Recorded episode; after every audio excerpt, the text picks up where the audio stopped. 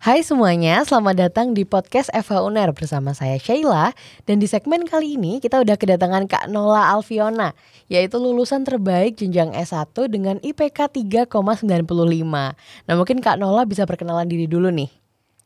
Oke, halo teman-teman semua. Aku Nola Alfiona Kumala yang sudah SH Oh ya? Jadi uh, aku angkatan 2018 dan kebetulan uh, lulus di periode yudisium Juni kemarin. Juni 2022 Iya, ini Juni ya 2022. Oke, nah sebagai lulusan terbaik nih Kita pengen tanya-tanya dan juga sharing soal perjalanan dan proses yang sudah dilalui oleh Kak Nola Hingga berhasil meraih predikat tersebut Gak berlama-lama lagi langsung aja kita kepoin nih Kak Nola Yang pertama nih, aku pengen tahu dulu alasan Kak Nola kenapa kok pilih Eva Uner untuk menempuh jenjang S1 kemarin. Kenapa pilih FH UNER? Eh, karena eh, seperti yang kita semua tahu, FH UNER kan salah satu fakultas hukum terbaik di Indonesia. Nah, kebetulan FH UNER tuh juga dekat rumah karena aku kan Oke. Surabaya. Jadi ya udah kenapa harus jauh-jauh ke universitas lain kalau di Surabaya aja udah ada FH UNER yang merupakan salah satu fakultas hukum terbaik di Indonesia kayak gitu sih. Oke, jadi tentu saja karena Eva Uner adalah salah satu PTN dan juga eh, fakultas yang terbaik di Indonesia dan eh, di Surabaya juga ada yang bagus ngapain jauh-jauh gitu kan. Nah, kalau misalnya sekarang nih, Kak Nola kesibukannya apa sih? Kalau yang sekarang banget nih setelah lulus. Oh, kalau setelah lulus aku masih mempersiapkan diri untuk di dunia kerja Mm-mm. dan juga masih cari-cari info untuk S2 nih.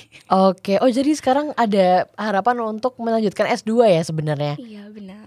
Nah kalau misalnya pas lagi kuliah kemarin, nah itu kan kalau lo bisa, kalau lo bisa meraih eh, predikat ini tentu dibarengi kesibukan-kesibukan dong. Nah kesibukannya kalau pas kuliah tuh ngapain aja sih?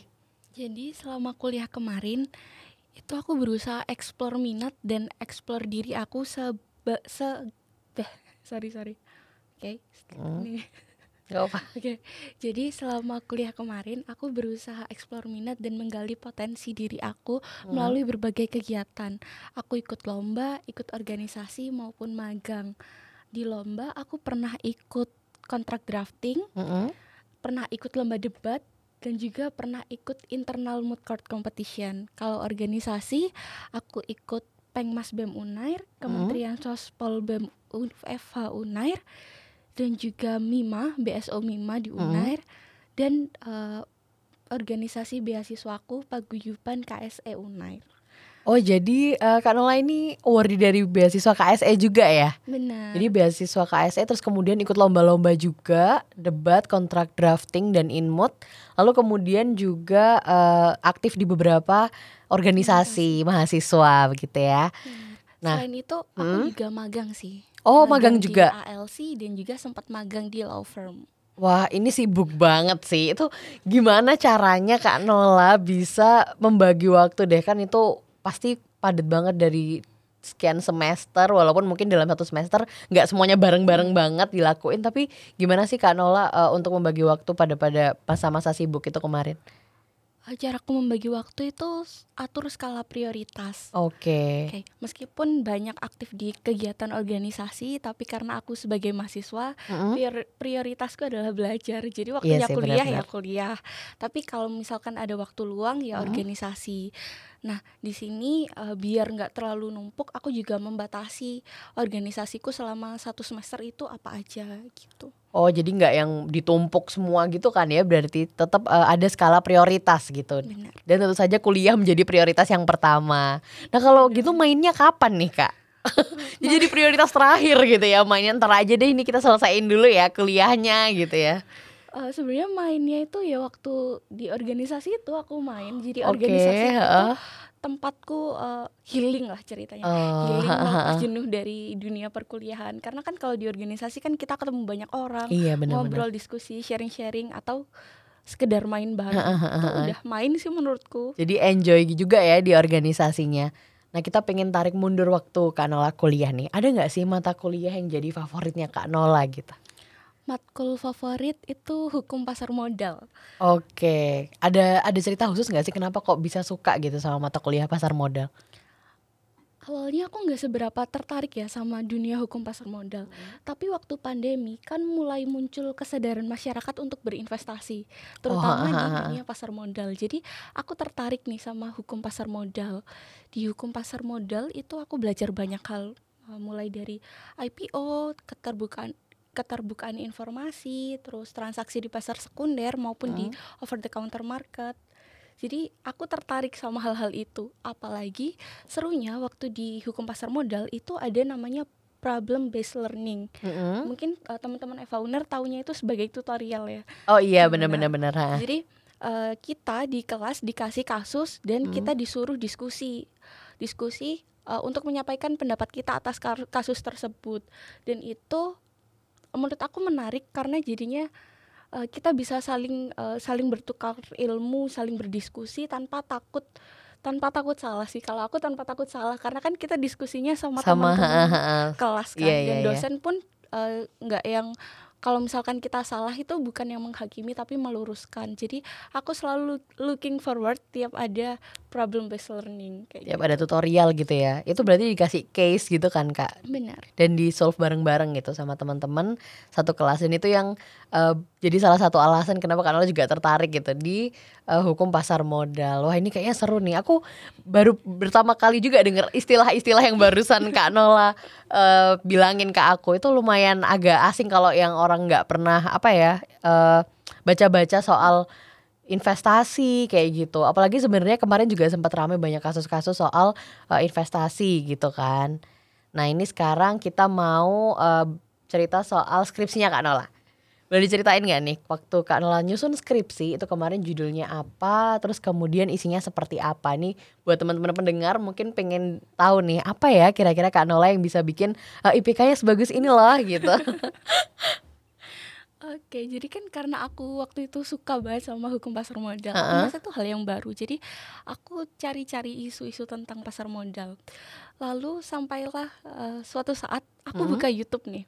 Terus aku lihat iklan, ada banyak in- ternyata banyak influencer yang sebelum eh, sebelum ternyata banyak influencer yang eh, mengiklankan binary option di video YouTube-nya, tapi dia Oke. mengiklankan binary option sebagai suatu bentuk investasi. Padahal menurutku Mhm. itu bukan suatu bentuk investasi karena nggak ada aset yang diperjualbelikan. Oleh karena itu, aku ngangkat skripsi dengan judul legalitas dan penegakan hukum atas transaksi binary option di Indonesia kayak gitu. Wah itu menarik banget sih karena binary option ini lumayan baru ya dan kemarin tuh sempat rame banget kasus yang eh, akhirnya beberapa influencer jadi tersangka gitu atas kasus binary option itu. Kalau misalnya dari skripsinya eh, Kak Nola sendiri akhirnya kesimpulannya atas binary option tuh bagaimana Kak? Jadi binary option dalam skripsiku itu tidak bisa dikategorikan sebagai bentuk investasi. Mm-mm. Karena apa? Karena tidak ada underlying asetnya, tidak ada aset yang berjual diperjualbelikan, Mm-mm. tidak ada transaksi jual beli. Eh, Di binary option, pengguna layanan itu menaruh deposit untuk menaruh deposit untuk mene- menebak harga. Ketika eh, pergerakan har- ketika pergerakan harga itu sesuai dengan tebakannya, dia akan mendapatkan keuntungan. Tapi kalau salah dia akan rugi. Jadi Oke. nggak ada Mm-mm. nggak ada transaksi jual beli karena sifatnya spekulatif Mm-mm. maka aku menggolongkan itu sebagai suatu bentuk perjudian Oke, jadi eh, malah sebenarnya itu mengarah ke perjudian gitu ya daripada bukan dan bukan investasi gitu ya. Benar. Nah, ini seru juga nih soal binary option ini mungkin teman-teman yang dengerin bisa juga eh, dapat ide-ide gitu apa ya yang lagi hype banget nih eh, saat-saat ini gitu untuk dijadikan bahan skripsi gitu. Kalau misalnya ditarik pas zaman-zaman S1 nih Kak, ini kan tadi kita udah ngomongin soal skripsi yang aduh agak puyeng gitu ya. Ini kalau misalnya soal kuliahnya nih, ada nggak sih hal-hal yang memorable yang seru-seru gitu yang bisa diceritain sama Kak Nola buat teman-teman selama menempuh jenjang S1 kemarin? hal yang memorable banyak sih. Oh jadi agak susah di list ya karena banyak banyak sebenarnya. banget. Apalagi waktu zaman zaman kuliah offline. Zaman zaman kuliah offline tuh seru gitu. Kayak aku kan eh, angkatan pandemi ya. Oh, iya betul-betul. angkatan pandemi. Jadi dua tahun pertama kuliah aku masih kuliah offline. Lalu dua tahun lalu setelah itu ada covid jadi kuliah itu mulai online. Dan di masa transisi itu aku udah mulai kayak stres nih. Biasanya kan kuliah mulu kuliah mulu organisasi. Jadi waktu tiba-tiba di rumah tuh aduh ngapain ya? Agak agak culture shock Iya, gitu ya ha. culture shock. Jadi hal yang paling memorable itu ya waktu kuliah offline waktu bisa ketemu sama teman-teman berinteraksi langsung kalau rapat organisasi tuh beneran rapat yang ketemu gitu loh Iya, bukan iya, yang iya, iya. via Zoom. zoom, Iya sih itu aku juga ngerasain karena aku juga kebetulan angkatan pandemi ya. Jadi baru maba banget. Baru kuliah satu semester offline. Eh online sampai sekarang ya. Tapi nggak apa-apa. Itu adalah bagian dari memori ketika berkuliah. Jadi jadi cerita akhirnya kan. Nah kalau misalnya tadi nih kita kan di awal udah mention kalau misalnya kalau Lola pengen S2 karena Lola pengen S2 terus kalau misalnya dalam bidang karir nih kira-kira ada bayangan tertentu nggak sih karena Lola pengen eh, profesi-profesi tertentu gitu ke depannya? Aku tertarik ke ini sih bidang corporate legal officer gitu Oke ha. Jadi eh, setelah lulus mungkin aku mau magang-magang dulu sambil kerja eh, sambil kerja sambil kuliah. Kuliah, ha. gitu. Supaya nanti ketika lulus S2 aku juga udah mulai ada pengalaman kerja dan siap untuk terjun di dunia corporate. Oh Amin. gitu amin amin kita eh, doain semua biar Kak Nola bisa sukses dan berhasil sesuai dengan harapannya tadi jadi mau eh, terjun di dunia legal corporate gitu ya sambil S2 juga wah itu agak agak puyeng juga ya nanti kayaknya tapi nggak apa-apa pasti Kak Nola bisa melalui semua itu nah kalau misalnya dari Kak Nola pribadi nih ada nggak tips dan trik selama berkuliah biar bisa eh, pas lulus nih bisa dapat predikat lulusan terbaik gitu Tips and trik buat jadi lulusan terbaik kalau dari aku sebenarnya aku juga bingung sih. Aku kaget juga waktu dapat predikat lulusan terbaik. mm-mm. Aku nggak expect sama sekali. Eh, tapi untuk tipsnya adalah do your best. Oke. di setiap apa pun kegiatanmu. Mhm. Jadi nggak eh, kalau aku sama berkuliah kan selalu explore minat dan gali potensi diri aku. Jadi aku nyoba berbagai macam hal. Jangan menurut aku buat teman-teman yang baru kuliah nih, jangan takut untuk mencoba berbagai hal. Jadi misal nih kan banyak lomba nih di FAUNET, ha, ha. ada debat, ada eh, Mood court, mood court, ha-ha. ada Kontrak drafting. drafting. Kalau misalkan kalian tertarik ya silakan coba aja. Jangan pernah takut, jangan pernah ah nanti kalau aku nyoba takut gagal, aku takut eh, aku takut teman-teman yang lain pada keren-keren Hmm, sedangkan hmm, aku hmm. masih belum sekeren itu. Jangan pernah takut. Semuanya itu semuanya mulai dari nol, semuanya mulai dari awal. Nanti juga pasti akan dibimbing oleh teman-teman yang lainnya. Jadi jangan pernah takut mencoba, jangan pernah takut gagal. Explore diri kalian sebanyak-banyaknya, ikutin aja apa apa yang kalian tertarik, ikutin aja. Tapi kalian harus bertanggung jawab atas hal itu. Jadi do your best, tanggung jawab sama pilihan kalian. Kayak gitu sih.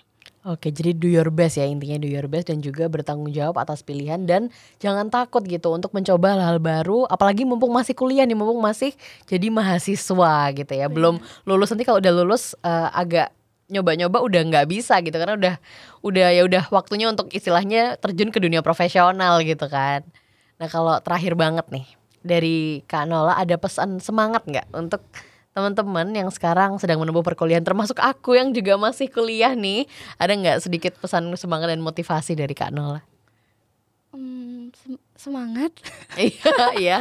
semangat ya kayak tadi sih. Sebenarnya do your best, jangan takut untuk uh, mencoba hal baru dan tanggung jawab atas segala pilihan kalian. Terus mungkin ini sih, uh, mungkin bagi teman-teman harus mulai nentuin cara belajar yang efektif bagi kalian. Mhm. Jadi kan kadang ada anak yang belajarnya itu gimana ya?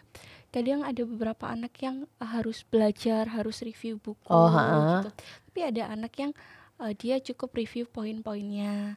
Nah, kalau dari aku sih kalau aku ya jujur, Heeh. aku itu bukan anak yang uh, aku bukan anak yang menyediakan waktu khusus buat belajar. Mungkin itu aku waktu sekolah dulu. Oh oke. sekolah dulu heeh. Dulu kan waktu sekolah kan misalnya jam 8 sampai jam 9 waktunya belajar. Iya iya iya. Tapi di kuliah aku nggak gitu. di kuliah aku justru banyak belajarnya itu dari kegiatan-kegiatan yang aku lakukan.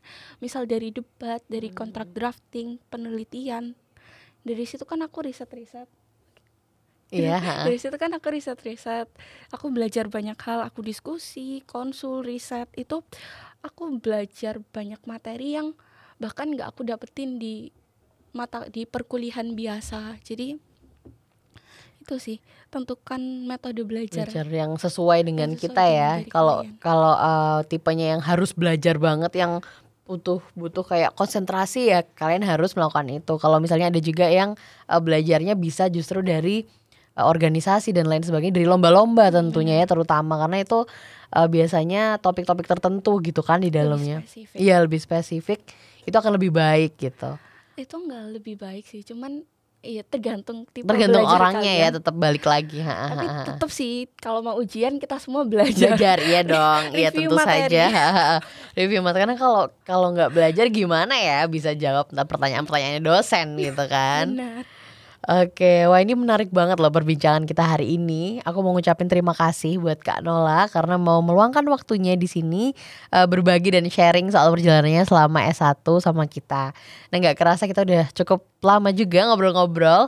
Nah buat teman-teman semua jangan lupa untuk follow Instagram @eva.uner lalu Spotify Eva Uner dan sampai jumpa.